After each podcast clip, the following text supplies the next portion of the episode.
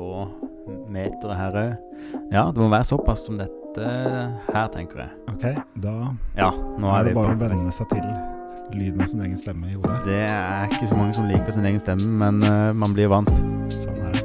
Ja, hjertelig velkommen her, eh, Magnus Kvalbein, eh, til dagens podkast. Og vi er på episode sju. Velkommen, ja. Tusen takk for det.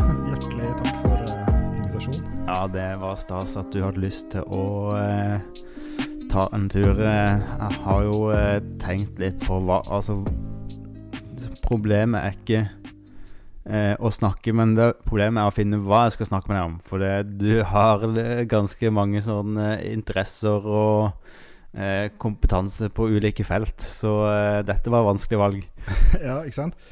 Jeg har jo um, brukt mye tid på å lese ting, og så bruker jeg det ikke til så mye. Men, men jeg har brukt mye tid på å, å prøver liksom å orientere meg. Jeg tenker det er en slags sånn verdi i livet, å være noenlunde orientert. Ja. Og så kan man jo spørre seg hva skal man med all den informasjonen, men sånn Ja. har den jo blitt. Ja. Nei, for det Du har uh, Altså var det, Når jeg snakka med deg en gang, så fortalte du litt om uh, ungdomstida di. Altså, var det nesten før du var 15, så hørte du på Ekko på NRK? Ja. det er jo sånn guilty, guilty Eller guilty, det er jo ikke så farlig det, å høre på ekko. Men, men eh, det var jo sånn at jeg eh, begynte veldig tidlig å jobbe. Jeg vokste opp på et uh, gartneri. Og, og gartneri er jo veldig kult, men, men det er jo um, Det er jo repetitivt, da. Altså du kan pakke um, 10 000 salater, liksom. Mm. Og da har du gjort den samme bevegelsen 10 000 ganger. Så da har man mye tid til å gjøre andre ting i hodet på det. Så da, da blei det selvfølgelig mye søppel på radio, men også av og til da, eh, P2. Og det var stas som liten 15-åring å høre at det var liksom andre ting enn eh, Radio Tønsberg der ute. Og det, men i tillegg så var jo det uh, lineærtida, var det ikke det? Det var lineærtida, ja. Så eh, det vil si at eh, man uh, kunne ikke spille av når man ville. Det, det kom på radioen. Så sånn sett så Så uh, i hvilken grad var det selvvalgt? Nei, det var i liten grad. Det var Ja. bare det at vi ikke um, gadd å gå og stille på radioen i utgangspunktet. Og så, Ja. og så åpna det seg jo en verden. Og det er jo litt flott da med, med det lineære konseptet som er i ferd med å bli borte nå. At, at man kan jo oppdage ting som man ikke visste at man syntes var gøy. Eh, Ja. Jeg har noen nevøer som ser på TV nå, som kommer hjem til moren og faren min, som fortsatt av og til ser på ser på lineær TV. Da. Og da kaller de det overraskelses-TV. Og det er jo et litt flott eh, konsept. Ikke Ja. Da, kan man, da kan man bli overraska. Wow, der var det Ja. noe som var gøy, som jeg ikke visste om fra før. Ja, det er et godt poeng. Det er fordeler og ulemper med alle disse valgene. Ja, absolutt.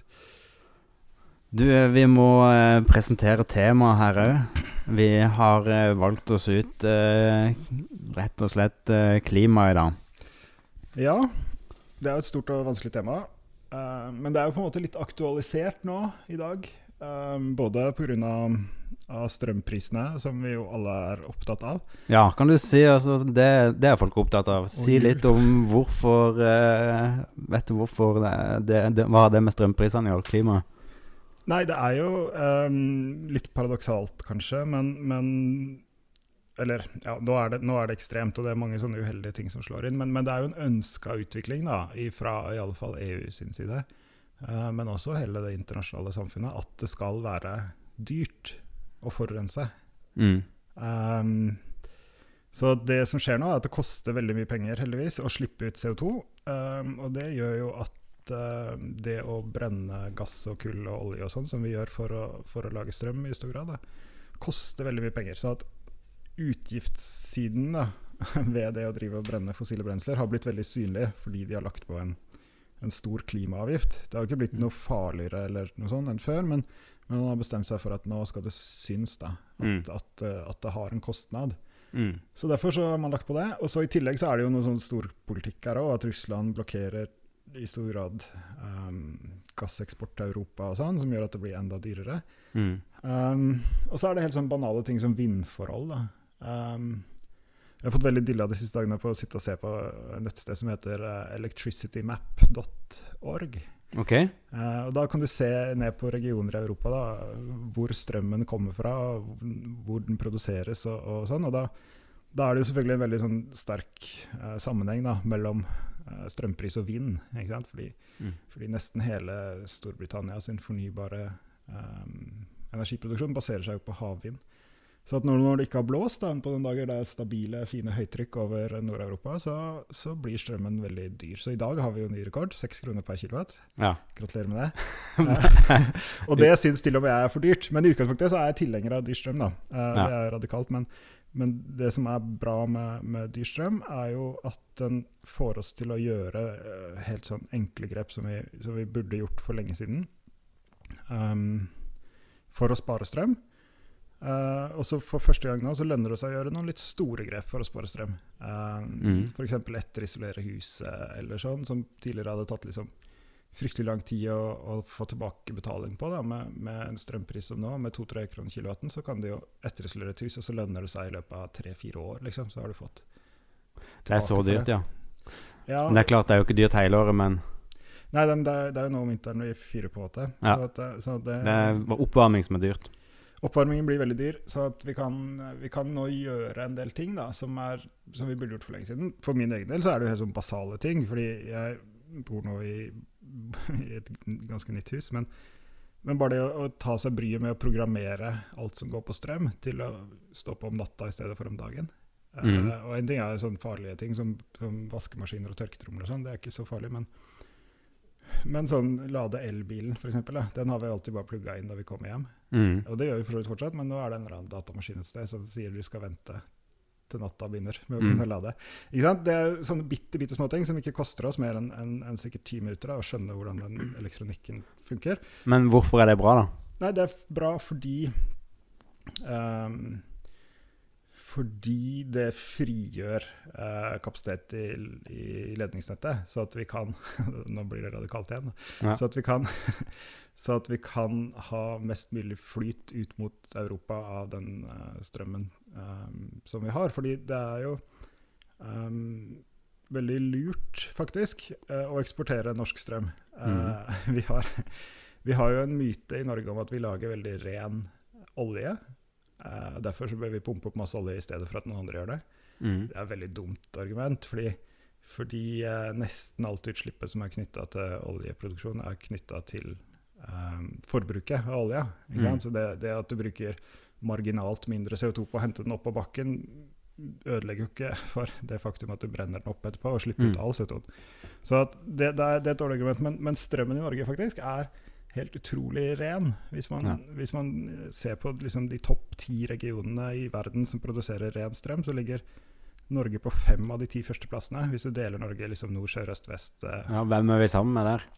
Det er noen sånne bitte små øyer som bare baserer seg på vindkraft Ja, stemmer, ja. eh, utenfor Australia. Så de har mindre befolkning i tillegg? Mindre befolkning, og, og vindkraft regnes som, som renere enn vannkraft. da. Ja.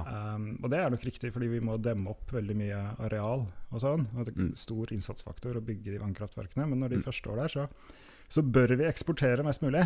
Uh, Ja. Fordi det, norsk strøm, fordriver Uh, karbonfyrt strøm Mm. i andre deler av Europa.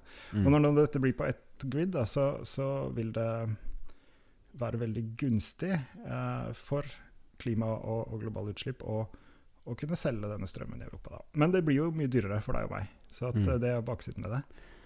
Og så har vi en annen ting som mange spør seg om, da. Det er jo hvorfor, eh, når vi produserer så mye strøm, hvorfor kan vi ikke bruke det sjøl? Altså, var det ikke Kjetil Kvåle, eller han i VTK, det, Ja. som har skrevet innlegg om hvorfor vi ikke kan lagre strøm? Altså, den er litt midlertidig, så vi, selv om vi produserer my mye strøm, så kan vi ikke bruke det med en gang. Eller vi kan ikke lagre det over lang tid. Vi kan ikke lagre det over lang tid. Og så er det jo norsk strøm et unntak der også, da.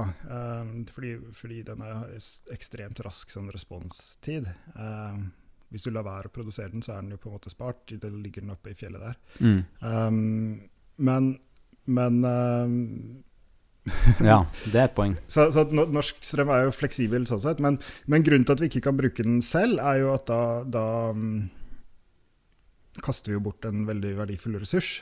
Altså, eh, nå skal vi være forsiktige med å, snakke stygt om enkeltpersoner som, som uttaler seg i media, men det var jo et sånn skrekkintervju med en eller annen familie fra Tokke eh, Mm. på NRK for noen dager siden, som liksom eh, bare øste ut av glede over at de hadde så billig strøm når alle andre hadde dyrt. Vi gjør akkurat som før. Vi fyrer så mye vi orker med panelovnene våre, og vi Mm. trakter kaffe og heller den ut igjen liksom, bare fordi det er så billig. Altså, det, var sånn, Mm. det, det, var, det var en sånn parodi da, eh, nesten på, på hvorfor det er veldig dumt å subsidiere eh, en verdifull ressurs. Mm. Eh, fordi det fører til en veldig ubevisst holdning. Da. Mm. Um, og så mener ikke jeg heller at det bør koste seks kroner per kilowattime Mm. for strøm, for det er for mye. Altså, da får du en hel del andre problemer, eh, sånn at folk helt på ekte får veldig dårlig råd og sånn.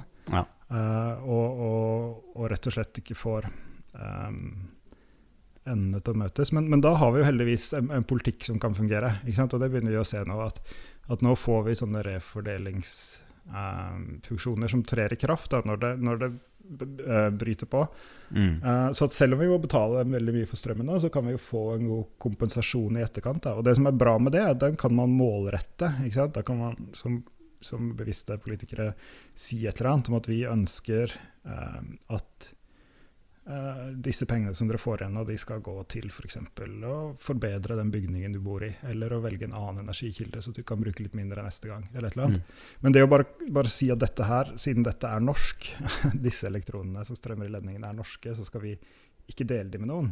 Eh, de skal vi bare bruke opp. Mm. Det er en veldig sånn korttenkt eh, eh, holdning, syns jeg, da. Um, fordi det er jo uh, ikke lenger en lokal ressurs. Det er jo derfor vi har en så rar holdning til strøm. Fordi den har vært så vanskelig å transportere. Mm.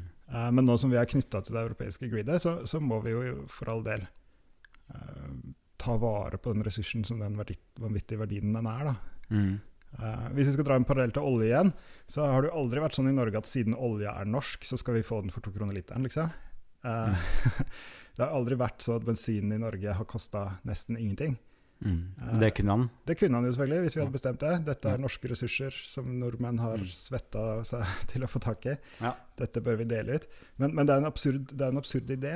Um, og så er det litt sånn praktiske ting som, som gjør at det har blitt sånn for strøm. Da. At det har vært veldig vanskelig å bli kvitt den i et, i et globalt marked. Mm. Men nå er det mulig.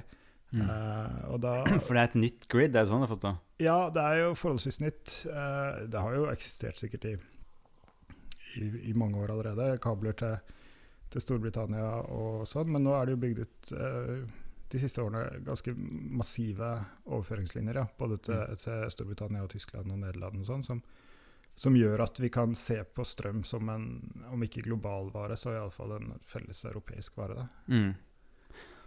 Før vi går eh, eventuelt tilbake til eh, Det er nesten litt depressivt, altså. Men eh, jeg tenker på dette med konsekvensene. Vi har hørt det så mange ganger. Jeg tok en kikk på FNs uh, sine hjemmesider Ja. for å trekke parallellen, for det jeg tror uh, det, går, Hverdagen tar oss alle. Sikkert det er jo altså, altså den globale perspektivet, da. Eksempel i 2020 står det på FN, kilde i DMC, at 20 30 millioner mennesker måtte forlate hjemmene sine pga. klimarelaterte problemer. Mm. Ehm, og jo varmere det blir, jo større blir effekten av klimaendringene, og fattige blir ramma aller hardest. Ehm, så OK. Hva tror man på? Jeg tror eh, det er ikke så mange som diskuterer om klimaproblemene eh, er reelle eller ikke lenger. Så, så den diskusjonen er ikke så viktig, men, men eh, Ja. Eh, Det som jeg syns var interessant, da har vi hørt om det mange ganger, men jeg kikka litt på dette her med togradersmålet. Og det er jo sånn Jeg kan bare lese det opp, for dette her kan jeg ikke under huden. Eh, men forskerne er enige om at klimaendringene vil bli umulig å kontrollere hvis temperaturen i år 2100 er mer enn to grader varmere enn den var i 1850. Eh, I de internasjonale klimaforhandlingene eh, har landene blitt enige om å begrense temperaturstigningen eh, ja, til 2001 til to grader. Um, I Parisavtalen eh, er det et mål å begrense temperaturstigningen enda mer, altså til 1,5 grad. Men hvis vi ser på dagens utslipp, så eh, vil Hvis vi fortsetter med dagens utslipp, vil en begrensning av oppvarmingen til 1,5 eller til og med 2 grader være utenfor rekkevidde. Og det er jo det som Altså, det er det, det jeg syns er interessant, da.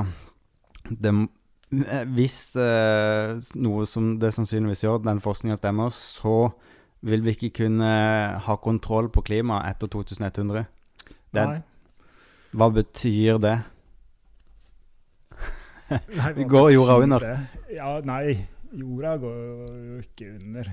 Uh, altså, jorda Det tar lang tid. Ja, nei.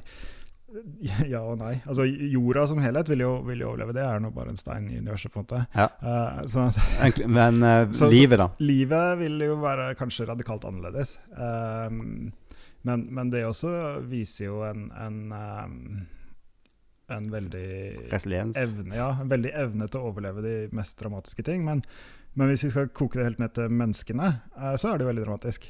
Eh, for menneskene sin del så vil jo dette her være full eh, krise. Um, og det handler jo om um, hvor det er mulig å bo, ikke sant? Fordi hvis, hvis havet stiger veldig mye, så vil man jo helt sånn fysisk bli fortrengt fra der man bor. De fleste av oss bor jo relativt nærme sjøen. Mm. Um, og, og hvis man, hvis man um, tenker på matproduksjon, så er det jo helt ekstremt. Altså, vi har jo en matproduksjon som er helt sånn enormt areal- og ressurskrevende. Um, sånn som det er nå, og det må den jo være når vi er så mange milliarder mennesker som vi er. Men, men veldig mye av dette ligger jo i, i områder som er liksom i grensa da, for, for å være produktive nå allerede. Altså hele, hele um, sørlige Europa, hele uh, Afrika, hele eh, Sentral-Asia, alle disse områdene, vil jo være eh, veldig sårbare eh, for eh, en økning på to grader, for eksempel, da, med tanke på, på hvor mye fuktighet vi klarer å ta vare på nede i bakken. Altså det, Mm. Hvis det blir så mye varmere, så vil det tørke ut, rett og slett. Mm. Vi vil ikke, vi vil ikke Og da vil ikke plantene overleve? Nei, så vi vil, vi vil få veldig mye trøbbel med matproduksjon. Mm. Um, så det er jo både det Fysisk så blir arealet borte, og, Mm. og, og det blir veldig lite mat. da. Uh, og det er dramatisk. ikke sant? Og, og det som er skremmende, er jo at, at det står der at, i, at allerede i år 2000 så var det flere millioner mennesker som måtte forlate uh, leveområdene sine. Det hørtes nesten ut som det var en art, men de måtte forlate hjemmene sine. rett og slett? Um, det, er veldig fort gjort å få en sånn akademisk avstand til det, men, men folk ble rett og slett fordrevet fra sine egne hjem. Uh, og, og da um, Det som er skummelt med alle disse klimasakene, er jo at, at som nesten alt annet i, i naturen, så er jo dette sånne likevekter, som vi kaller det. da, altså Det er en effekt som påvirker ene veien, og så er det en kontraeffekt som, som, som påvirker andre veien. Og, og Kan du si litt mer om det? Hva, hva betyr det? Nei, Det betyr jo f.eks. at hvis du slipper ut veldig mye CO2, så vil du jo kunne tenke deg at skogen kompenserer da, eh, Mm. ved, å, ved, å, ved å vokse mer, fordi du får tilgang til mer, mer CO2, som jo er liksom bensinen i fotosyntesen sammen med lyset. Mm. Um, så at man kan, sant, Det er en del sånne ting som, som, er, som er der. Ikke sant? Og, og hvis det blir varmere, så vil det også antagelig få mer vanndamp i, i atmosfæren. Mm. Uh, som vil kunne bidra med en del mer skydannelse, som vil kunne reflektere ut igjen lys. Ikke sant? Så, at, Mm. så at det finnes, eller varme da, så at det fins jo en hel del sånne mekanismer som, som balanserer hverandre, men, men de er nok uh, mye mindre uh, Altså de er, de er designa for et mye større tidsforløp da, enn, det, Mm. enn de 200 årene kanskje som vi har herja på med karbonbrenning nå, Mm. til at de klarer å kompensere for dette her. Og i tillegg metan. Metan er også ikke så bra, nei. Nei. Eh, Det er jo en del Vi, vi må komme tilbake til dette med eh, matproduksjon. Men fortsett med det du ja, nei, fordi, fordi da blir det jo sånn at eh, um, når vi skyver på disse likevektene, så får man jo ofte en forskyvning, naturlig nok, og så klarer ikke økosystemet det, eller, eller værsystemet det, eller hvem det er som skal rydde opp i dette her og gjøre det. Og da, da får man ofte en sånn eksponentiell utvikling, da. Mm. Eh, og, og eksponentiell kjenner vi fra ikke sant, um, Du er jo en driftig fyr. Uh, sett at du har lyst til å bygge deg en, en eh, liten hagedam her Mm. ute. Så gjør du det, og alt er fryd og gammen, og du har kjøpt en helt tett uh, duk, så at ikke vannet renner ut, og du er veldig fornøyd. Og så har det sniket seg inn en alge oppi der, og den dobler seg hvert døgn. Mm. Da har du eksponentiell vekst. Den dobler seg hvert døgn. Det som er problemet med det, er at når det er 10 alger der, så er det ikke noe problem. Når det er 20 alger der, så er det ikke noe problem. Hvis det går 10 døgn, så har du, har du 1024, da, hvis vi starter med én. Det er Mm. heller ikke noe problem. Mm. Men etter 20 døgn så har du en million, og da Ja. begynner du å få trøbbel. Mm. Den vokser eksponentielt. Og da kanskje etter 20 døgn så oppdager du det. Oi, her er det en million alger jeg ikke ønsker meg. Mm. Problemet er at dagen etterpå så har du to millioner Altså da har problemet dobla seg igjen. Mm. Da har du plutselig full krise. Mm. Eh, og da har det egentlig fått utvikle seg i 20 dager, da, men det er bare det siste døgnet at du ser konsekvensen av det. Men Eh, hva er det som er eksponen- eksponentielt her? Um, nei, for eksempel så vil Så vil nok um, um, Frigjøringen av um, metan, da, i, i, i Sibir eller andre steder, der hvor du har permafrost, Mm. som nå har vært lagra der over lang tid. Altså, hvor raskt den frigjøres, for den har jo blitt frigjort til enhver tid. Det er jo ikke liksom en million meter med, med kompost som ligger der. Det, det, det frigjøres jo over tid, men, men den frigjøringshastigheten vil jo, vil jo være um, antagelig avhengig eksponentielt av temperaturen. Mm. Så at om temperaturen stiger med f.eks. to grader, da, Mm. så vil du få en helt sånn ukontrollert frigjøring av Ja. ting som har vært uh, frosset ned i varmen. Når det først blir ille, så blir det kjempeille. Ja, det er det som er Da akselererer det så voldsomt raskt. Mm. Uh, så det er veldig sånn finstemte balanser her, som, som ikke nødvendigvis er lineære. Det er ikke Ja. sånn at Hvis vi har et dobbelt så stort problem i dag som i går, så, Mm. så har vi fortsatt god tid. Liksom. Da, Mm. da kan vi regne med at det eksploderer veldig snart. Mm. Dessverre.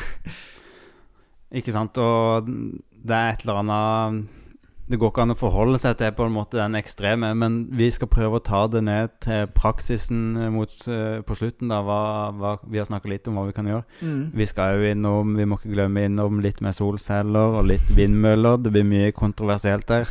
Og mat. Eh, elbiler. Det er sikkert mange ting folk lurer på. Kan vi ta den kjapt, da? Et Mm. spørsmål som har vært eh, knytta til elbiler, er det, er det koster en del naturressurser og klimautslipp å produsere en elbil. Mm. Eh, lønner det seg? Og er Tesla bra å kjøpe? Eh, det er et veldig vanskelig spørsmål, fordi de, de blir så veldig eh, ja eller nei. Men det, hvis alternativet er en sykkel eller en buss eller en Tesla, så bør du velge en av de to første. Ja. Heller sykle og kjøre buss enn å kjøre Tesla. Hvis valget er mellom en vanlig bensinbil og en elbil, så Mm. bør du velge en elbil. Hvis vi ikke tar ja-nei-spørsmålet, men vi tar rett og slett det langsiktige For du, du sa til meg en gang at uh, f.eks. den første Teslaen vi produserer Ja. Det kan være Eller den første elbilen vi produserer, det kan være den ikke har så lang levetid med batteriet og sånn teknologi utvikla at eh, det egentlig lønner seg for selve den elbilen.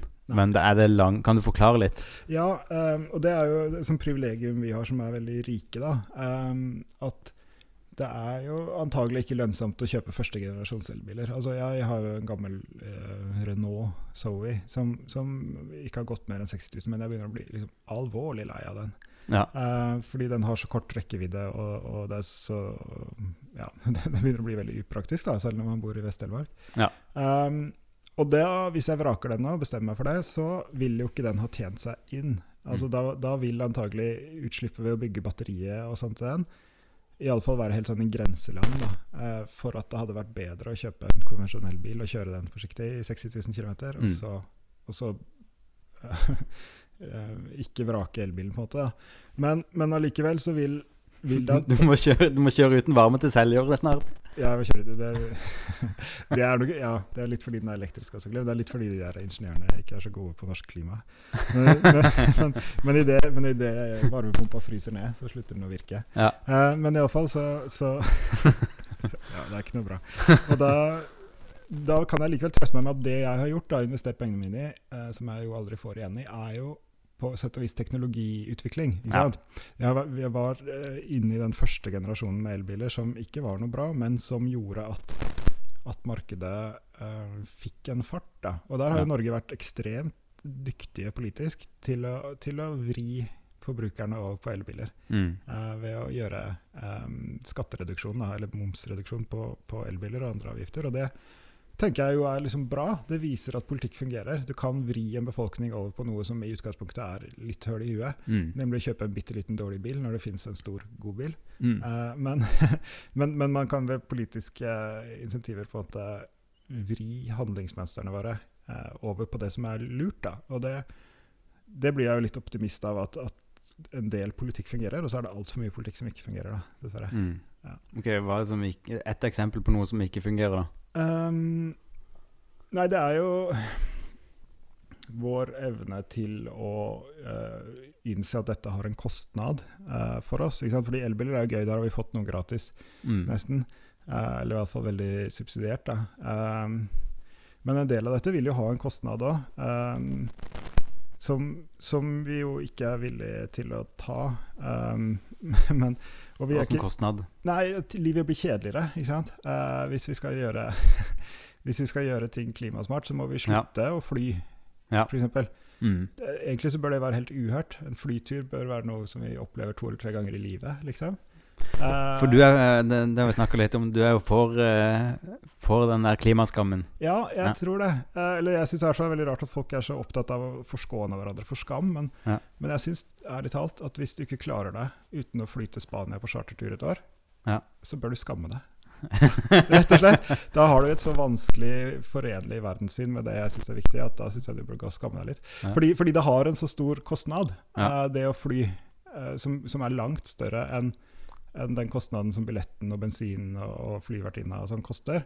Mm. Eh, men, men du slipper altså ut eh, en gass i atmosfæren som skal være der i kanskje 150 år før et eller annet Mm. tre klarer å fange den opp igjen. Mm. Og som bidrar til en global klimakrise eh, for andre mennesker som lever i dag, og ikke minst dine egne barn og barnebarn. Mm. Um, så hvis ikke du kjenner noe på skam, tenker men jeg gjør det likevel, da er det greit. Hvis, du, Mm. ikke, hvis, du, kjenner, hvis du er helt skamløs i møte med det, Mm. Tenker jeg da er det alvorlig galt. Så jeg syns vi burde moralisere litt mer over de tingene der. Mm. Det bør være, det bør være skyldbelagt, syndbelagt nærmest, Mm. eh, å fråtse på den måten som vi gjør. Men, men det er vi veldig lite opptatt av. da. Ja. Eh, dessverre. Eh, og det er jo veldig rart, for vi er jo opptatt av ting som ikke spiller noen rolle, som vi kan skamme oss over. Ehm, om man er tjukk eller tynn, eller hvilke legninger man har. Sånn. Det kan være kjempe, kjempeskyldbelagt, men, men det spiller jo helt tatt ikke så stor rolle. Eh, mens, men sånne ting som har sånne helt åpenbare konsekvenser, da, Ja. det tør vi ikke å pirke borti. Så det er veldig rart. Det har åpenbare konsekvenser, men det er igjen det der med hva menneskesinnet klarer å ta inn over seg. Ja, Hva eh, Folk klarer ikke å, å tenke at denne krisa er så nær. Så jeg, jeg, tror at eh, menneskelig atferd ikke har evnen til å ta de kloke valgene. Nei da, og derfor trenger vi jo, trenger vi jo en, en sterk um, politikk. fordi til en viss grad så klarer vi det når det er valg. altså Når vi skal liksom sette oss ned og bestemme oss for noe, så, Mm. så har jo Da kommer liksom over-jeg inn. Jeg syns jo egentlig at dette er litt viktig, så derfor stemmer jeg på de og de. Men, Mm. men i overraskende liten grad, da.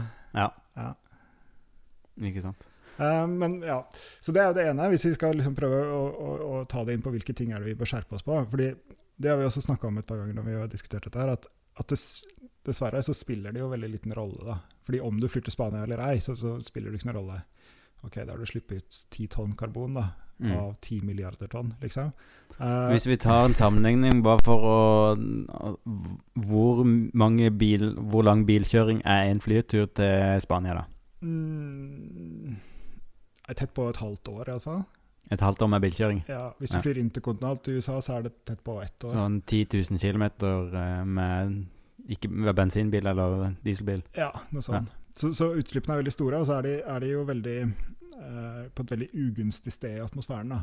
Ja. Uh, fordi, fordi hvis du flyr i 10 000 fots høyde, så, så er det jo akkurat der hvor denne foto, nei ikke foto, men drivhuseffekten eh, finner sted. Og det er veldig usannsynlig at det finner sted fotosyntese som kan Mm. fange dette karbonet igjen. Mm. Så at det, det er noe med at du slipper det opp i et veldig ugunstig luftlag òg. Um, Ja, OK, så det er verre høyere oppe? ja, det er verre. Um, ja, kort fortalt så er det verre. Ja. Vi, kan, uh, vi må ikke gå for detaljer her. Uh, det er ikke alle som har master i materialfysikk. Uh, Nei, og det er det som det er greia. For jeg har jo vært opptatt av dette lenge, og, og den graden jeg har, heter jo til og med 'Materialer og energi for framtiden'. Og vi trodde jo, Det var jo interessant når jeg studerte dette for 15 år siden, eller 20, eller hva det er. så 15 er det kanskje. Så var vi så veldig optimistiske på teknologien. Eh, men det skjer jo veldig, veldig langsomt, da. mm. Eh, så derfor har jeg liksom blitt mer, mer opptatt av dette med atferd, kanskje, de siste åra. Ja. Så det er den ene tingen jeg tenker vi kan gjøre. Vi kan reise mye mindre, og det er kjedelig. Mm. Men, men det, bør være, liksom, det bør være en flyseteavgift på 2000 kroner. ja. Hvis du skal sette inn et fly, så skal det koste litt. Og reparasjon, da. Eh, ikke sant, Mange betaler klima... Vet, vet du noe om hva slags reparasjon den klimaavgifta Hvordan foregår det? Planter de trær? Ja, i stor grad så planter de trær, eller så, eh, hvis de er enda et hakk mer passive, så forhindrer de nedhogging av trær. Og så tenker du at Mm. minus og minus er også pluss, på måte. Ja. Uh, og så har man på en måte ikke gjort noe, eller man har jo gjort noe, man har jo forhindra at den skogen ble hogget ned, men, men det er jo veldig sånn det Men vi må gi en liten crash course i trær, altså, for det syns jeg var interessant når vi snakka om sist. Og vi satt jo og slitt inn igjen. Det er noe som heter uh, Kursgesagt på YouTube, der de forklarer litt om eh, egentlig hva kjøtt eh, eller matproduksjon, hvor mye det påvirker klimaet. Men, men det de sa noe om der, var jo eh, hvor, hvor mye det har å si med mm, nedhogging av naturressurser, altså skog. ja. Eh, og i Norge f.eks. Er det mye skog, og man kan bli frustrert over eh, gjenskoginga, samtidig som vi har et sam Det mange ting på en gang her. Vi har et samtidig problem med at villmarka blir mindre. Så folk uh, går jo mer i villmarka samtidig som vi får ugunstige steder med gjenskoging. Men for å ta det positive, da, kan du si litt om eh, mm, Ja, er det en tredjedel uh, av karbonutslippet vi får tatt med med de trærne vi har, holdt på å si. Ja, eh, den norske skogen vokser jo heldigvis eh, mye. Eh, det blir mer og mer skog og kratt. Og så kan man, det kan du si om det er heldigvis eller ikke, men iallfall i denne sammenhengen så er det heldigvis. Ja. Fordi som du sier helt riktig, så er det omtrent en tredel av det utslippet som vi har Mm. på land, da, som, som blir fanget opp av tilvekst av skog. Mm. Um, så det er jo en enorm um, det, vi kan kalle en økoressurstjeneste. Mm. Ja. At, at naturen selv absorberer veldig mye av det utslippet vi gjør, både, både i skogen og i havet. Um, så på en måte så, så kan man jo si at gjengroing er jo bra. Det kompenserer langt på vei da, for det vi gjør. Og, og, og sånn sett så bør vi jo verne veldig mye større arealer for å la de gro igjen. Ja. For de kjøper deg omtrent 100 år, da, kanskje. Mm. Eh, 100 år så vil skogen begynne å, å forfalle omtrent i samme tempo som den binder karbon. Da. ja. Ja, ikke sant? det er det òg. Ja, kan du forklare det litt? Altså, du sier uh, Ja, forklar det litt, litt nærmere. Ja, nei, altså det er jo Hvis vi skal mm, gå, gå tilbake til naturfagsklasserommet igjen, på en måte, så, så er det jo sånn karbon er jo grunnstoff eh, nummer Dette ble, jeg tror det er grunnstoff nummer eh, seks. Fire, fire ytre elektroner. Fins overalt. Enormt mye av det. Eh, og, og det inngår jo i et kretsløp, da. Eh, eller egentlig to kretsløp. Og det ene er jo det liksom svære, langsomme kretsløpet, som der hvor eh, karbon blir bundet i skog, og så blir denne skogen av en eller annen grunn fanget i sedimenter. Eh, Og så blir det gravd ned, og så blir det olje og gass. Liksom, og det tar, tar gjerne mange eh, millioner år, og det er ikke så stor del av karbonen som, som inngår der. Men det mesteparten av karbonet inngår i det raske kretsløpet, da, der hvor eh, karbon blir fanget hvis vi starter der, da, blir fanget fra lufta av en plante eh, som gjør fotosyntese, og så blir det til sukker. Og så blir det spist av deg og meg, eller av en ku. Og så blir den spist av deg og meg, og så dør vi, og så blir det til luft igjen. Mm. Um, og så går det rundt og rundt sånn. Uh, og det beste som skjer, da, er jo hvis den planta som fanger karbonet, ikke er en ettårig plante, men en flerårig plante, f.eks. et tre, Mm. så kan jo det treet være fanga der, da. Eh, der det står. Karbonen være fanga i treet. tre. være fanget i treet, ja. Um, I hundrevis av år. Um, Mm. Hvis det er fra det liksom blir fanga til det er fullstendig forråtna. Mm. Um, og da har du bundet karbonet, da, så at det ikke er ute i atmosfæren. For Mm. det er jo atmosfæren at, at karbonet, enten i form av CO2 eller metan, gjør en del ugagn. Mm. Eh, eller ja, det, hvis vi skal være veldig fundamentalt, så gjør de oss jo egentlig en tjeneste. Mm. Eh, fordi uten drivhuseffekten så ville det jo vært eh, i alle fall 18 grader kaldere gjennomsnitt på jorda enn det er. Ja, det blir feil igjen. Så, så det hadde vært veldig veldig kaldt. Eh, men men en, en passe stor drivhuseffekt er jo helt, helt nødvendig for, for uh, livet. Men, Mm. men når vi slipper ut for mye av den, så får vi på en måte en for tjukt inne. Da, uh, Ja. Så at det blir for varmt på innsiden her. Mm. Um, og derfor så er det jo bra med alt det karbonet som vi klarer å, å binde. Da. Eh, Mm. og sånn sett, isolert, så er skogvekst bra. Mm. Og dessuten er det antagelig bra for de artene og de økosystemene som finnes i skogen, Ja. eh, hvis de får være i fred. Så, så det er en sånn dobbeltgreie i det. Mm. Uh, samtidig som vi kan irritere oss da når vi kjører på hytta, så veldig dårlig utsikt det var her. Ja, ja. Det, men det er kanskje egentlig bare det som er prisen vi betaler, da. Ja, vi, for det er en ting er her i Norge, men jeg tenker Det sjokkerer meg egentlig på verdensbasis. Den, og det er da jeg syns det begynner å bli interessant sammenheng med, med den nedhogginga av skogen, kanskje særlig Sør, eh, Sør-Amerika og, og i området der. Ja. Da, der snakker vi store mengder som ja. går tapt, eller eh, tapt eh, Det går mye eh, til produksjon av nye materialer, selvfølgelig, men òg ekstremt mye til matproduksjon. Ja. Og eh, ja, har du noe sånn umiddelbar kommentar? Jeg har noe på arket mitt her, men Ja, det, ja jeg, jeg har jo en umiddelbar kommentar til det. Um, nei, altså hva, hva er det vi bruker all den maten til? Altså, det er som du sier at Mesteparten av arealet som, som blir frigjort, blir jo, går jo til uh, matproduksjon. Men, men hvis vi ser på mengden mennesker er på jorda, så, så er det um, mange. Uh, noen ja, 8 milliarder eller noe sånt. er det? 6-8 milliarder. mm. Men iallfall så, så er vi veldig mange.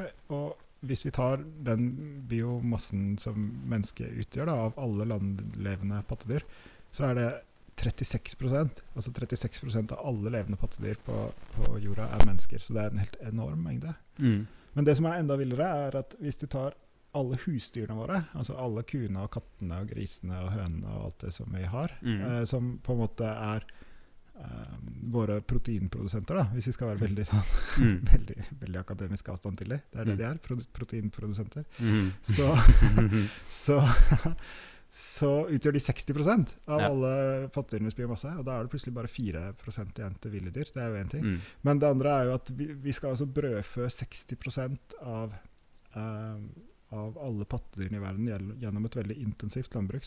Mm. Og det er jo utrolig ueffektivt. da. Og skulle ikke bare brødfø alle disse menneskene, men i tillegg brødfø alle disse dyrene. Mm. Um, når vi kunne spist proteinene selv i veldig stor grad. Mm. Det, er jo, det er jo ofte veldig, veldig, um, veldig god produktiv, uh, produktivt areal som vi legger beslag Mm. på for å få tak i disse dyrene. Det som òg må sies, at eh,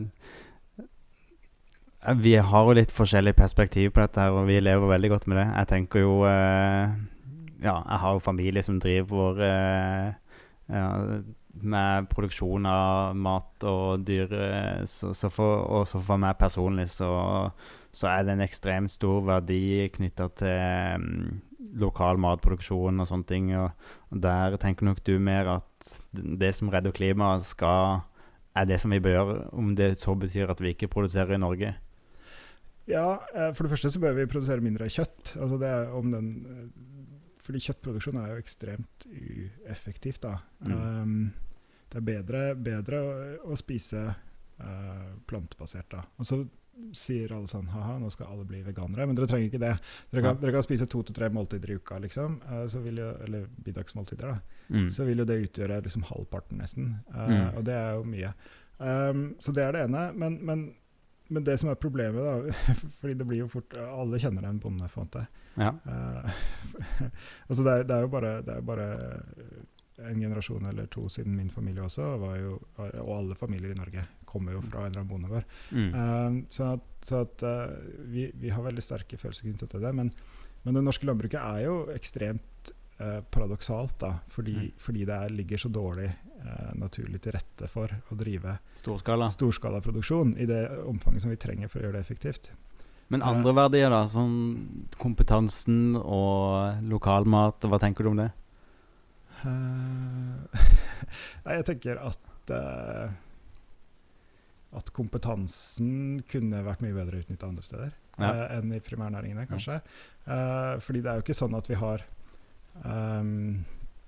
et veldig stort overskudd av arbeidskraft. Altså vi tenker at Derfor er vi veldig glad for alle som kan gå på en gård og Mm. rote, fordi da slipper vi å finne på noe annet til de å gjøre. Mm. Altså Det finnes jo et arbeidsmarked der som kunne, kunne tatt imot dem, antagelig. Um, så at da ville det jo kanskje vært lurere å lage maten et sted der hvor vi hadde uh, bedre uh, naturforhold for det. da. Men, men jeg skjønner jo at dette blir kontroversielt. Men, men poenget er at også norsk jordbruk er avhengig av veldig mye transport. Um, for vi liker jo å tro at norsk landbruk er liksom Vi spiser det som Ja. ingen andre kan bruke og sånn, men, men mesteparten av, av, kilokaloriene måte, som, Mm. som, som grisen og kua spiser, Mm. uh, kommer jo fra importert kraftfôr. Og da, da vil man jo tenke, eller jeg tenker, at det er mer rasjonelt å produsere dyret der hvor kraftfôret er, og så produsere kjøttet etterpå, i stedet Ja. for, å, for å drive og produsere kjøttet Ja. eh, langt, langt vekk, og så måtte transportere masse fôr. Det som jeg tror er nyttig, er liksom å ta denne samtalen litt ut. Eh, prøve å ta den litt bort fra følelsene, for det er jo det, det, er jo det vi prøver å finne, finne ut av.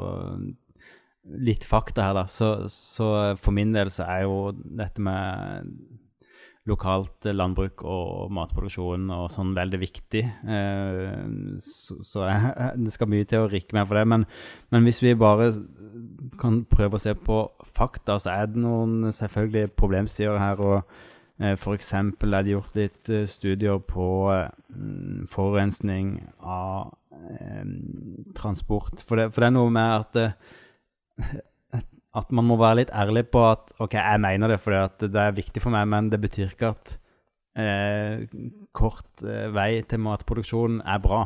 For, for det, det er feil.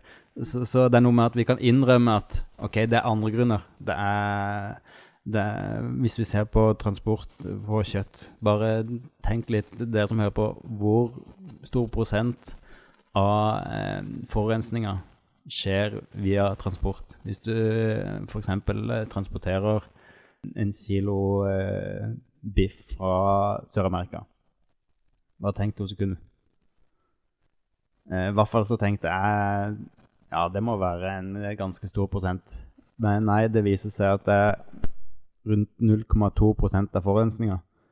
Så i svært liten grad eh, kan man skylde på eh, selve transporten, for de svære skipene og den transporten er så ekstremt effektive.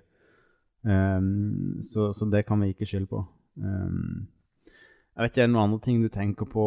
Uh, ja, altså, det er jo noe med hvor mye utslipp det er i, i levetida før kjøttproduksjonen kommer ut. Og da er det jo forskjellige ting. Jeg vet ikke hvor detaljerte vi skal gå inn på det. Men eh, det, det vil jo ha veldig mye å si. Um, først og fremst hva dette dyret spiser. Uh, og, og hvis, hvis um, på en måte idealbildet av landbruket stemmer, så er det jo effektivt. For da spiser de jo gress som ikke vi kan nyttiggjøre til noe annet. Altså. Mm. Og så får du et veldig lavt karbonavtrykk. Men Men det er ikke nok rest til vi, Det var et studie på hvis hvis vi skal spise så mye kjøtt som vi skal, og det skal være fôra på gress, så må USA redusere kjøttinntaket med 70% Ja, ikke sant? Og det er det som er problemet. Vi, vi stiller altfor store krav til, til den velferden vi skal ha. Um, eh, fordi vi skal spise kjøtt hver dag, og, og det er ikke bærekraftig på det. Da må vi ty til ikke bærekraftige produksjonsmetoder. Um, sånn at, um, og i så fall, hvis vi gjør det, så er, det jo, er jo dette nærprinsippet som du sier, helt meningsløst. fordi hvis det er sånn at vi må importere fôret, så er det mer rasjonelt å importere kjøttet. Altså produsere der det er. mm. Um, så det, det er liksom um, Ja, det er, det er en sånn vrien sak, det der. Men, men det, det er et faktum at vi spiser uh, for mye uh, kjøtt, og at det kjøttet vi spiser, eh, er for eh, er for lite effektivt. Da. Altså Hvis man først skal spise kjøtt, så er det jo sånn at, at uh, storfe, eh, altså kuer og sauer og, og sånn, Mm. uh, vil, vil jo være ganske lite effektive, mens kyllinger uh, er jo helt ekstremt effektive. Ja, Um, så det er mer miljøvennlig å spise kylling. Ja, på en måte er det det. Og så det, kan du diskutere etikken i det. da, fordi det er klart, de, de lever jo ikke så veldig artige liv, antagelig, de her produksjonskyllingene. Men, men det blir på en måte en annen diskusjon. da, Hvis du skal regne, hvis du skal regne liksom, eh, Klima, vi må redde jorda. Så, så er kylling bedre enn Ja. noe annet. Men, men bønner og stengler er bedre enn det igjen. på en måte. Ja. Ja. eh, og svin eh, Ja, i hvert fall mye bedre enn storfe. Eh, Jeg syns jeg så noe på det. Eh, Men ja, det, det som iallfall overrasker meg når jeg har sett litt på dette her, det er jo Altså En ting er kjøttproduksjonen. Jeg skjønner på en måte at det er entydige resultater på at det er dårlig for, eh, for klimaet. Eh, det er no, det er jo ikke kontroversielt annet enn følelsesmessig. Hva? At, At, at kjøttproduksjon er forurensende. ja, ja. Det er på en måte, det er ingen som er uenig i det. Altså, følelsesmessig så kan man bli provosert, da. ja, fordi vi syns det er så hyggelig. Ja. Uh, Ja, det er klart. Og hvis man ikke tror at verden går under, så er det jo ikke noe vits å bry seg om. nei, nei, nei. Klimasorg, kjenner du på det?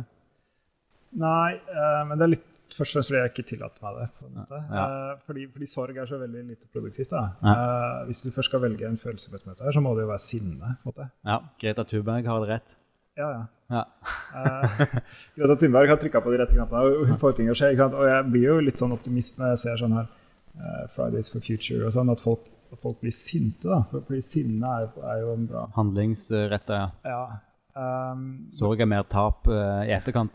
Ja, ikke sant? Ja, på mange måter. Og så altså er det litt sånn begrensa, OK. Fordi sorg Ja, det er noe med det. Sinne, da er det fortsatt et handlingsrom igjen. Mm. Men, men sorgen, da har du tapt. Eh, så, og det kan man jo si, ikke sant? hvis man ser på alle de artene som er gått, og, og alt sånt. Så, og, og egentlig, hvis man skal være veldig realistisk i møte med, med Klimapanelet sin rapport, så, så skal det så enormt mye til at slaget er kanskje på mange måter tapt. Men, men samtidig så er det en kjempevesensforskjell da, på 1,5 grad og 3 grader. Ja. Uh, det er forskjellen på Livet blir annerledes. Ja, det blir det i alle tilfeller. Ja. Uh, men det kan bli Insekter, det må vi ikke glemme. Det, det, er mange, det er mange som har snakka om, og jeg har registrert sjøl òg før Altså egentlig, når Akbarna fikk lappen, hvor lenge siden er det? Det er 12-13-14 år siden. Nei, eh, 16 Ja. år siden.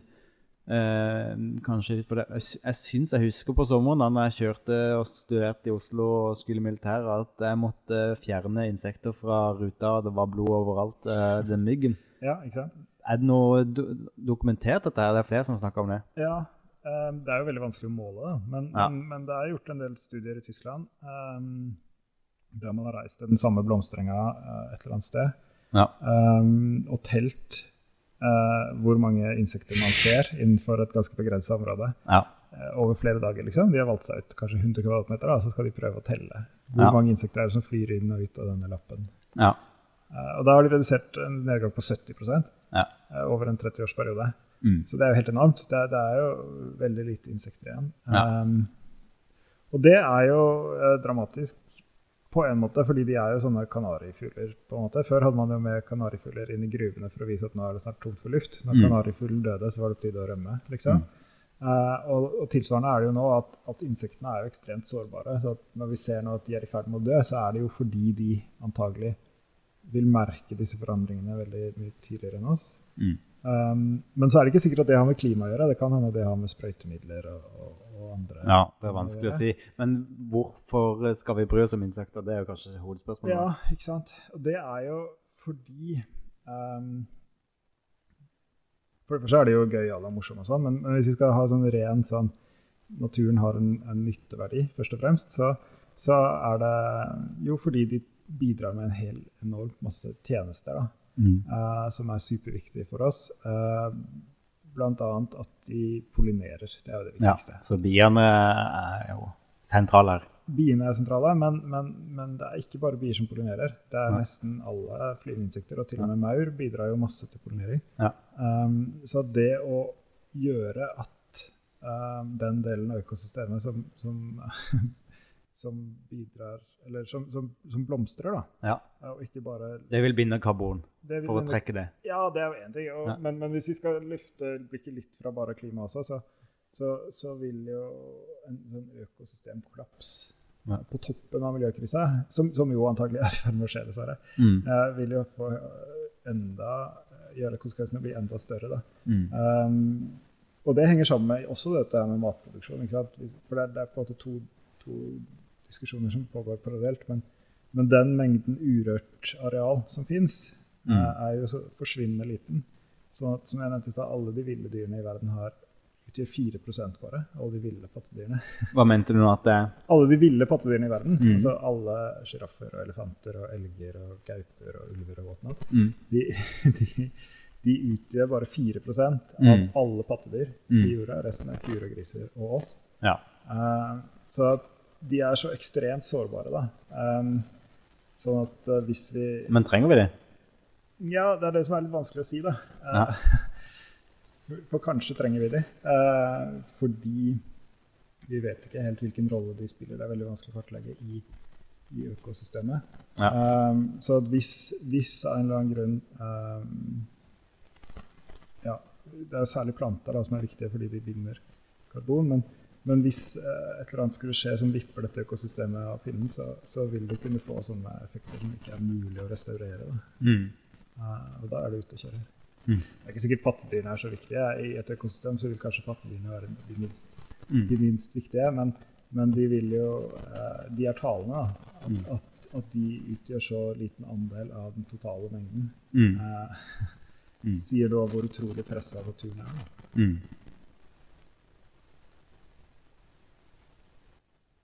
Så det er ikke så lett. Men, eh, men, men eh, ja. Du hadde flere ting på lista di. Vi har uh, flere ting, og skal vi bare se hvor lenge vi har holdt på her. Oi, oi, oi.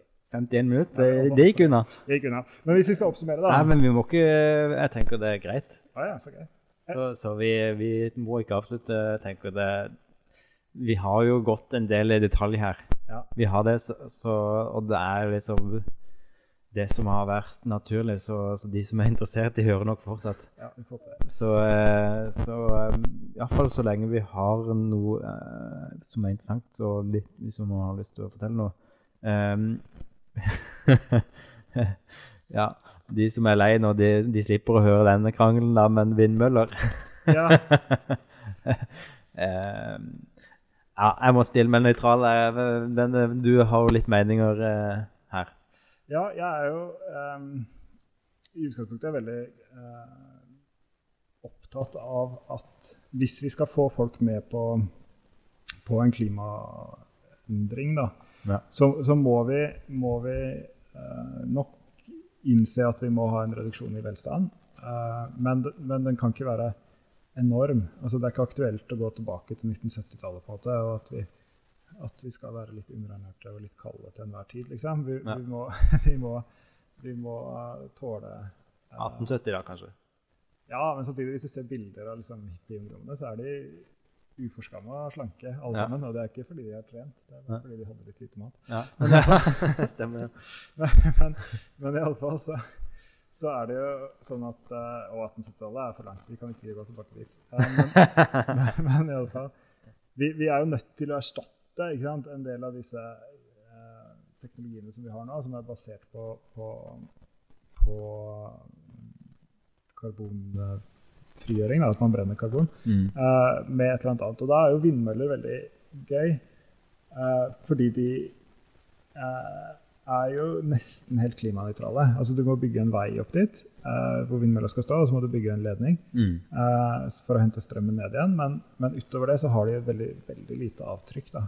Mm. Eh, Men ørene, er som flyr forbi, da. ja, ikke sant? Og likevel så kikker vi helt på det, fordi det får jo selvfølgelig, som alt annet, så får det jo noen lokale konsekvenser. Mm. Uh, blant annet at du treffer noen ørner i hodet, og, og så Ja. lager du litt Det er mange som er glad for at ørna blir truffet, mens de andre fugler Ja, ja, og, og jeg syns det er dumt med, med hver fugl som faller til jorden, men, men det som er dumt, er at vi glemmer at, at dette her er jo et mye mindre onde, tror jeg, da, enn alternativet, som er å fortsette med det vi gjør i dag.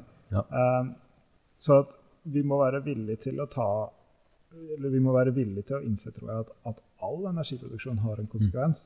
Eh, og at, at, den, at liksom, vi har fått et så enormt folkeopprør mot vindkraft. Det syns jeg er litt synd. Fordi, fordi i det store bildet så er det, så er det jo veldig, uh, veldig gunstig da, uh, i forhold til alle alternativene. Eh, men det som er rart med det, er jo at du får det så veldig tett på i mange tilfeller. Altså Du får en, en veldig dominerende landskapseffekt av dette. mm. Da, Du ville ikke hatt eh, vindkraft på Ålesfjell, liksom? Um, Du hadde plassert den i en annen plass, helst. ja, helst så det, Ja, det men, ja. men jeg hadde vært villig til å ha en vindmølle på Rosenborg, Ja, om, om så skulle være. Vil du ha vindmølle på eh, Holdt jeg på å si rundt eh, hele bygda? Si at det er vindmølle på hvert fjell man snur seg rundt det, da. Ja. Uh, ja. Nei, men det er for så vidt ikke så viktig. Poenget ditt er jo at verden går under hvis vi ikke gjør noe drastisk. Ja, ikke sant? Da vil, må vi ha litt å betale Så, så Men faktisk så tror jeg det ville hatt en veldig sterk pedagogisk effekt. da. Ja. Uh, hvis det hadde vært sånn at det var vindmøller på hver eneste topp rundt oss der vi satt, mm. så ville vi jo blitt minnet på hver dag at, at dette livet vi lever, har en kostnad. Og det Mm. der er en del av prisen vi betaler. Ja. ja, det er interessant. Det, det er sikkert mange meninger om dette her. Og, men til syvende og sist så ehm, kommer det jo tilbake til i hvilken grad man tar inn over seg Eller ja, ta, altså i, tro, i hvilken grad man tror på at fakt, verden faktisk ikke kan snus. Altså det, det, er, det er noe annet. Altså Når jeg leser dette her og leser forskninga, så, så blir jeg iallfall mens jeg leser det, og når, når vi holder det varmt her, så, så blir jeg opprørt og, og litt sånn Ja, shit, dette er jo faktisk eh, en Ja, jeg vet ikke om dette er sant, men jeg skjønner ut fra forskningsdokumentene at det er en rimelig høy sannsynlighet for at dette kan stemme. Og jeg tror det er mer sannsynlig at det er sant enn det er ikke sant. Så, altså, jeg er jo jeg er ikke, altså, jeg er ikke forskningsskeptiker, og jeg har ikke lest detaljene, men, men såpass mange som har studert dette her, så, så, ehm, så er det vanskelig å unngå problemstillinger hvis du faktisk begynner å lese etter. Ja, ja. For det er noe med å trekke, trekke til og ikke være så bastant her. Jeg tror det er litt bedre for folk òg. Ja, og, og, og, og så det er jo en ting. Det, det er helt åpenbart at det er sant. Det som det, som det er litt tvil om, er jo blir det to grader, eller blir det fire grader, eller blir det seks grader i, Ja. om 100 år. på en måte. Ja. Men, men det er egentlig ikke heller klimamodellen som er feil, det er bare hvilket input du putter inn. Altså hvor, hvor, hvor stor grad evner vi å gjøre ting Mm. som menneskehet. på en måte. Det er, det som, det er der usikkerheten ligger, da, men beregningene er fjellstøe, eh, og det kommer til å bli veldig vanskelig. Eh, Men det er fortsatt en mulighet for å berge f.eks. to grader. Mm. Eh, Og den må vi tviholde på. Det vil ha masse å si. Eh, Om det blir to eller seks grader, en seksgradersverden vil jo være helt umulig å, å forholde seg til. Mm. Uh, og så kommer det jo veldig mange andre sånne interessante diskusjoner i kjølvannet av dette. Hvis, hvis nå virkelig toget har gått, uh, hva, hva kan vi gjøre? Det kan vi snakke om i en annen podkast, men, men en, sånn, en sånn, geo, sånn geoengineering, der man går inn og påvirker klimasystemene aktivt, er jo også en mulighet. gjør, Hva betyr det? nei, det betyr jo f.eks. at man slipper ut masse salt i atmosfæren. Mm. Um, man pumper opp fra høytrykksspillere i havet saltvann, sånn at vannet fordamper og saltkrystallene svever opp i atmosfæren. Mm. Um, og så vil det, kunne, vil du kunne kondensere vann på de, da, så Mm. man får veldig høye og veldig hvite skyer som kan Mm. reflektere lys ut. Eksempel. Mm. det er jo helt sånn reelle muligheter som man kan begynne å se på, men, Mm. men også um, veldig skumle eh, av to grunner. Det ene er at det blir så, å ja, men vi kan jo bare slippe salt i atmosfæren. Det var litt deilig. Da kan jeg fortsette som før. Ja. Det er det ene, at man kan få en sånn moralsk eh, kollaps. Av det. Ja. Men salt i atmosfæren, det må du forklare litt. Ja, Hva, eh, hvorfor er det en effekt? Hvorfor har det en effekt? Um, det er samme effekt som uh, Nå skal vi snakke om noe folk kan relatere seg til. Ja. Hvis du, hvis du uh, putter øl i fryseboksen fordi du ønsker at uh, den skal bli veldig veldig kald Ja. For det er jo digg. Det er mer digg med kald øl enn varm øl. Det vet alle som har drukket øl. Så, så kan man putte den i fryseboksen, og så kan man av og til oppleve at du får underkjøling. Da. Um, altså at det er kanskje minus to grader i ølflaska di, og i- det øyeblikket du åpner den, så får du en boble, som du alltid får når du åpner en ølflaske. Uh, og den bobla virker som det vi kaller for et krystallasjonssenter. Da. Og da okay. vokser, vokser iskrystallen ut fra den bobla, og så plutselig så sprekker hele flaska di, og den er full av, full av frossent øl. Eh, og det er jo fordi du kan kjøle vann ned eh, til null grader, og så fryser det til is. Hvis det er noe som iskrystallen kan vokse på. Mm. Og Hvis ikke det er det, så kan du få underkjøling, og da kan du få ganske ka- lav temperatur, 4-5 minusgrader kanskje, før, før det oppstår en eller annen iskrystall et sted som kan vokse. ut. Mm. Men poenget med det saltet er at det er sånne krystallasjonssenter. Da. Mm. Sånn at vi, du har jo alltid en fuktighet i, i lufta, Mm. og hvis du da i tillegg pumper opp så at du har en saltkrystall der, så vil vanndampmolekylet treffe saltkrystallen og binde seg til det. Mm. Og så vil det komme et nytt vannmolekyl og binde seg til det. Mm. Og så får du etter hvert dråpedannelse. Mm. Så det er sånne Og de vil ta karbonet? Nei. Nei. nei, nei. Hadde det vært så lett. Nei, men de vil danne hvite skyer. Ja. uh, som reflekterer, uh, reflekterer sollys ut. da, Så Ja. du får mindre innstråling inn i utgangspunktet. Ja, det er lyset det står på. ja. Det er lyset det står på. Så det, det er jo sånn kompenserende tiltak. da. Ja. Um, så det er en ting man kan bruke, eller så kan man bruke forskjellige sånne nitratsalter. Sånn, og Kina er helt rå på det. Mm. Eh, Det er ikke tilfeldig at det er så godt vær når det er idrettsarrangementer i Kina. Eh, og det er jo fordi de, de, de mestrer dette veldig godt. da. Ja. Altså sånn værmanipulasjon. Ja. Uh, og da, da vil man jo kunne tenke seg at man gjør dette på global skala. Mm. Um, men, men det skaper jo masse trøbbel igjen. Uh, en ting er liksom sånn geopolitisk. Mm. Hvis Norge gjør dette da, i stor skala i Nordsjøen, bruker oljeplattformene sine til å danne masse skyer, Mm. skyter opp eh, saltvann derfra, Mm. så kan vi tenke at det regner ned, og så kan vi selge strømmen. Ikke sant? Men, Mm. men konsekvensen av det blir jo at det blir mindre regn i Sverige. Mm. Eh, ikke sant? Så, at- så man får masse sånn geopolitiske problemer av det. Mm. Eh, og så kan man jo få sånn dommedags uh, Altså at dette går ut av kontroll. Det, er, det fins jo allerede noen serier som er morsomme som handler om det. Har du sett Snowpiercer på Netflix? Ja, det er bra. Ja, det er sånn passe bra. Ja. Men, men plottet er iallfall at, at da har de gjort dette, da, og så har de mista kontroll. Og så er det plutselig motsatt motsatte problemet, at du har fått en sånn isverden. Da. Ja. Eh, derfor må de kjøre rundt i et tog. Ja. Det er det store vanskelige med den serien. Ja. Eh, hvorfor i all verden må de kjøre et tog? Men det gjør de iallfall, for å bøte på dette her. Ja. Eh, men, men, men poenget der er at da har man jo prøvd dette, og så har det gått galt. Og det er en reell risiko. Fordi det er store og, og veldig ømtålige systemer som man begynner å manipulere med. Mm. Og det kan man si at ok, den globale oppvarminga vi har nå, er lei, men den var i hvert fall utilsikta. Mm. Um, mens, mens det å aktivt gå inn og manipulere klimaet, Mm. vil nok en del liksom, moralfilosofer og andre, Mm. antagelig med rette, mene at det er en, er en mye mer risky business da, Mm. enn å uheldigvis ha manipulert klimaet ditt her i dag. Ja. ja, ikke sant. Nei, det er jammen med mange, mange interessante tema.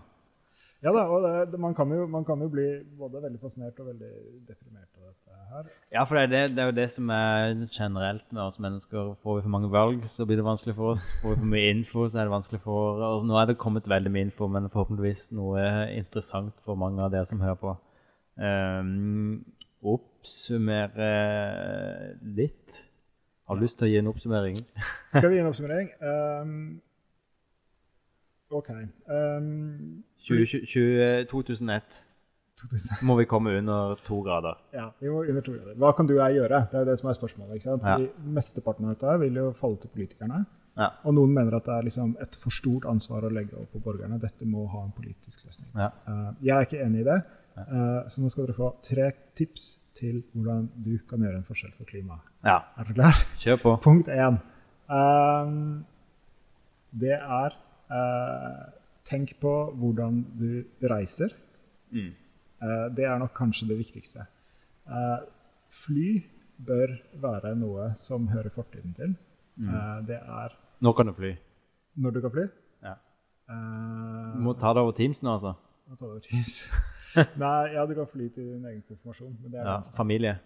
Nei, nei altså, altså det, det er en sånn ting eh, som, som er liksom Som framtiden antagelig kommer til å straffe oss for. Ja. Altså, sånn, på samme måte som vi ser på liksom sånn um, ja, Hva er det vi har gjort før som har vært veldig umoralsk? Uh, slavearbeid. Ja. Hvordan i verden kunne de gjøre den moralske kortslutninga? Mm. Sånn, Du visste ikke bedre. sånn kommer vi til å se på, på feriemønsteret vårt, da, tror jeg. Ja. Uh, så, så Barnebarna våre, våre kommer til å tenke Huleste drev jeg med. Ja, det tror jeg faktisk. Ja. Um, så det, Ja, det er et perspektiv. det er én ting. Uh, så man må ikke, ikke fly uh, med mindre det er Altså Det vi må stille spørsmålet, er hele tiden er, er dette så viktig at jeg er villig til å uh, slippe ut så og så mye CO2. da. Så man må stille seg det spørsmålet aktivt. Og hvis svaret på det er ja, så er det jo for greit. For noen ting er viktige Ja. å foregå på andre siden av verden. Mm. Måte, Så det må være greit. Men, men det er det ene. Vi må ikke reise så mye. Det andre vi må se på, er matvannene våre. Mm. Og da er det først og fremst matsvinn. Ja. Det verste vi gjør, er, Det, det tror jeg folk kan være enig i. ja, det verste vi gjør, er jo all den maten vi produserer som aldri blir til mat. Mm. Så det er steg nummer én. Så, og, og så blir det litt sånn gammeldags på det med Hvis vi skal ta det til vi som har barn og familie så dette her, Den maten du får, skal vi ikke kaste. Hvis du ikke spiser opp, så sparer vi til i morgen. Ja, det er lurt å spare den til i morgen. Det som Ja. er veldig dumt, er en sånn moral liksom spise opp maten din når du først har tatt den. Ja. Fordi da blir de bare tjukke og trassige. Ja. Uh, men, men Ikke gjør en dårlig greie, men uh, du, vi må lære ungene å ta mindre mat hvis de er mindre sultne. ja, Og vi må som voksne ta, levere mindre mat. ja, helt klart. Jeg har en kompis som er barnelege på, på avdeling for sykelig overvekt hos barn. i Tønsberg. Ja. Og han sa det at de- aller, aller fleste av oss kan redusere kaloriinntaket vårt med 30% uten noen konsekvens. Mm. Vi er en, en nasjon av overspisere. Ja. Uh, og i tillegg så kaster vi 30 av maten vår. Ja. Så vi har, ja, den, uh, den kjenner jeg. Den, uh, har, den, den sitter litt i meg, altså. ja, så vi har, vi har en veldig Vi kan skjerpe oss veldig mye på mat, for det er ekstremt ressurskrevende, og det er lett å forholde seg til. Mm. Da jeg var liten, så sa vi sånn 'tenk på barna i Afrika'. Og det er jo en sånn moralsk eh, kortslutning, for de blir jo ikke noe mer eller mindre sultne av det kastematen. Mm. Men, men det er noe med det. Mat er et veldig sånn Det er så innmari akutt. Mm. Uh, hvis du, det er lett å forestille seg en verden der vi mangler mat. Da. Mm. Eller det er ikke så lett, men det er mulig at Men matproduksjon forurenser, det er poenget her, da. Matproduksjon forurenser, så den må vi redusere mest mulig. Um, og så bør vi i, spise uh, minst mulig kjøtt. Eh, Men vi, vi, der tror jeg vi må være pedagogiske. For jeg er til og med altså jeg så vi er på en måte enig i forskninga her. Jeg sliter jo med dette her. Så kona har jo innfri, kjørt inn sånn kjøttfrie dager. Er ikke sånn vegansk Grandiosa, da. kan ha litt sunnere mat enn det, da. Men. Nei, ja, men, men det, det er jo um, Det er et poeng, det. Men- Det må smake godt. Det må smake godt. Men, men et fint sted å begynne da, er jo mat som uansett ikke smaker noe annet. Uh, taco, eksempel. Mm. Smaker nå bare hva det nå er i det tacokrydderet. Ja. Kummin eller et eller Jeg annet. syns ikke soyakjøtt er nei, like. Jeg må si det, altså. Ja, det er- Kjøper du soyakjøtt? Ja, ja. Gjør du det, altså? Ja. Ok. Nei, men Fordi eh, det er bitte liten, men enda bedre, er jo å lage noe som ikke altså For det, det er jo ingenting som er så bra kjøtt som kjøtt. Ja. Så at, så at eh, det som er enda bedre enn det igjen, er å finne alternativer som er som ikke later som om det er kjøtt. Men det er et fint sted å starte. En fint innsteg. Ja, det går hvis, hvis Ja. Nei, men jeg skal, jeg skal jobbe litt med meg sjøl. Altså, jeg er litt motivert. Ja da, og for all del, jeg er ikke vegetarianer selv, men, men, men om man klarer å redusere med 40 for eksempel, da, så er det kjempeviktig. Så det var det ene. Ferievaner. Det andre matvaner. Ikke Mm. kast mat. Mm. Eh, Eller enda viktigere, ikke kjøp mat som ikke du har tenkt å spise. Og eh, hvis du først gjør det, så bør det være eh, så lite kjøtt som mulig. Mm. Um, Helst kylling. ja, hvis det skal være kjøtt. Men det er klart det er ikke det er noe vi tenker på helse hvis de er omega-6-rike og ikke Ja, samme det. Gå videre er på klima. Jeg ikke kan noe om. Ja. Jeg, jeg har veldig sånn enkelt forhold til mat at, uh, at eh, kroppen bryter det ned i sine minste bestanddeler uansett. Ja. Så det spiller ikke så mye rolle hvor disse proteinene kommer fra. Men det er, det er nok ikke så enkelt. Nei. Nei, det er ikke den diskusjonen uansett. Men, men, men, eh, men eh, Så det, det er klima. Og så er det Mm. en ting som vi må nevne nå ved, ved jul. Mm. eh, og det er forbruk. Ja, flaten heller, Også. Fordi jeg er jo kanskje, og helt sånn faktisk også, en av liksom verdens mest uh, privilegerte mennesker. Eh, Ja. Kjempeflott, på toppen av verden. Ja.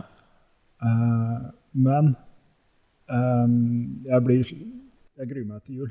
Eh, og det er, ja, det er jeg faktisk enig i. det er ikke fordi jeg har vanskelig familieforhold. Det er verdens eh, eller, ja, Mm. Det er dumt å si verdens beste familie, for det er sikkert beviselig feil. Det finnes sikkert minst en familie i verden som er bedre, men, men det er i hvert fall Du en trives der. en tipp topp familie der jeg trives. Ja. Og, og, og, og sånn. Men, men Forbruket.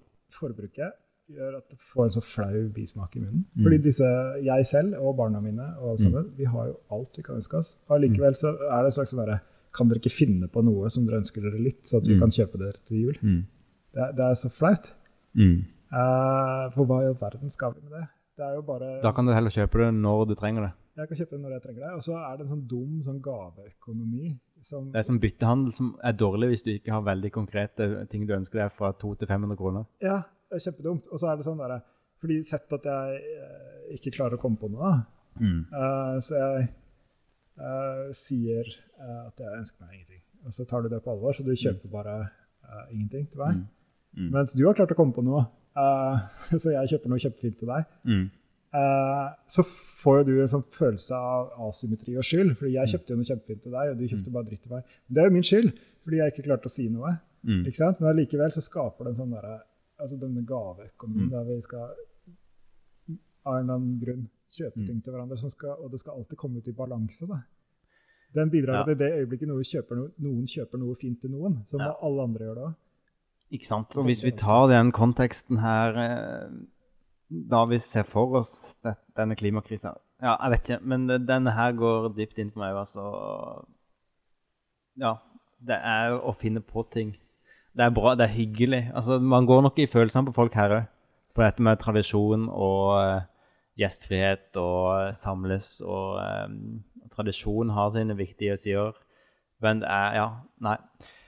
Nei, Det er veldig vanskelig, det her, fordi, fordi noe må man jo gjøre på julaften. ikke sant? Men, men, men man har blitt veldig opptatt av dette her å, kjøpe ting Um, som vi ikke Få ta svigerfar. Han ønsker seg en- en gave til bistand.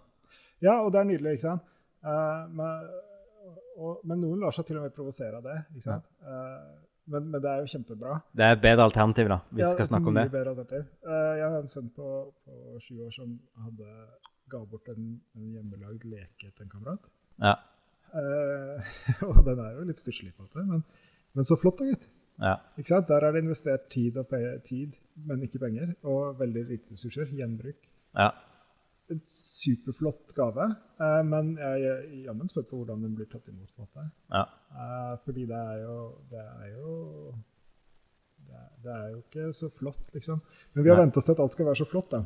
Men, men, men det trenger det ikke å være.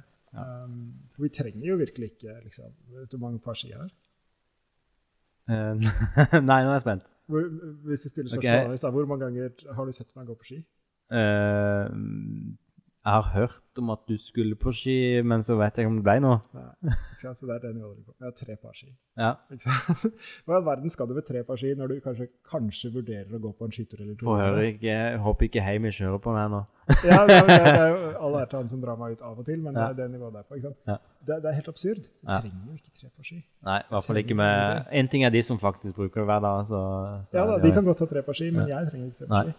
Og de som går på ski hver dag, har jo 18 par ski. sant? Så, Ja. så de er jo helt ville. Ja. Så, så det er noe med det der at vi, vi, vi har mista helt proporsjonene Ja.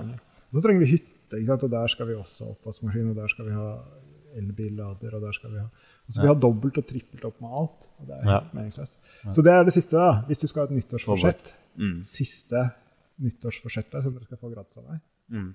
det er uh, at dere må, eller vi må, som, som nordmenn i dag, prøve å realisere all den velstanden vår eh, i å ta oss mer tid. Jobbe mindre, ta oss mer fritid. Og Mm. ikke kjøpe alt mulig, Mm. fordi det er ikke bærekraftig. Men det å ta seg tid til f.eks. å sitte her da, på blanke formiddagen Mm. eh, og ha en lang samtale, Ja. som forhåpentligvis noen syns er viktig, Ja. koster ingenting, Nei. men det gir ganske mye. Ja. Eh, og globale CO2-avtrykket er antagelig helt minimalt. At vi sitter her og prater. Ja. Så ta dere mer tid til å gjøre enkle ting. Ja. Det er nyttårsforsettet. Vær sammen med andre, og de som liker det, da.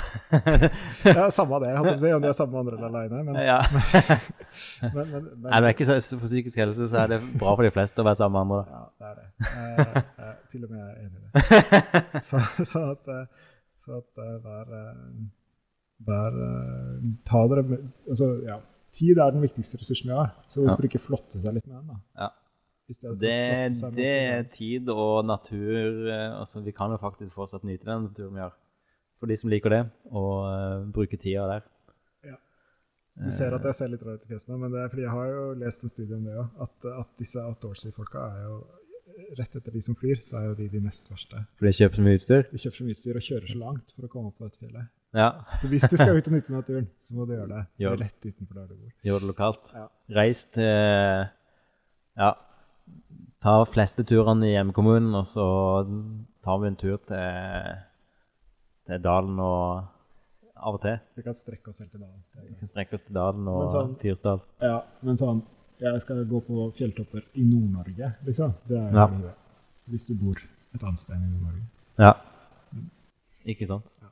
Ja, vi må passe oss på eh, Nei, kona di var ikke med til Tromsø. Tror, ja. ja, Unnskyld. Ja. ja. Og det er det som er dumt. ikke sant? Nå minte du meg på at jeg kjenner noen som akkurat har vært i Nord-Norge. Ja. det, det, tenkte, det tenkte faktisk ikke på de, men, men Nei, ikke sant? det er men det som er paradokset. ikke sant? Fordi vi, vi, vi valser jo rundt i dette her alle sammen. ja.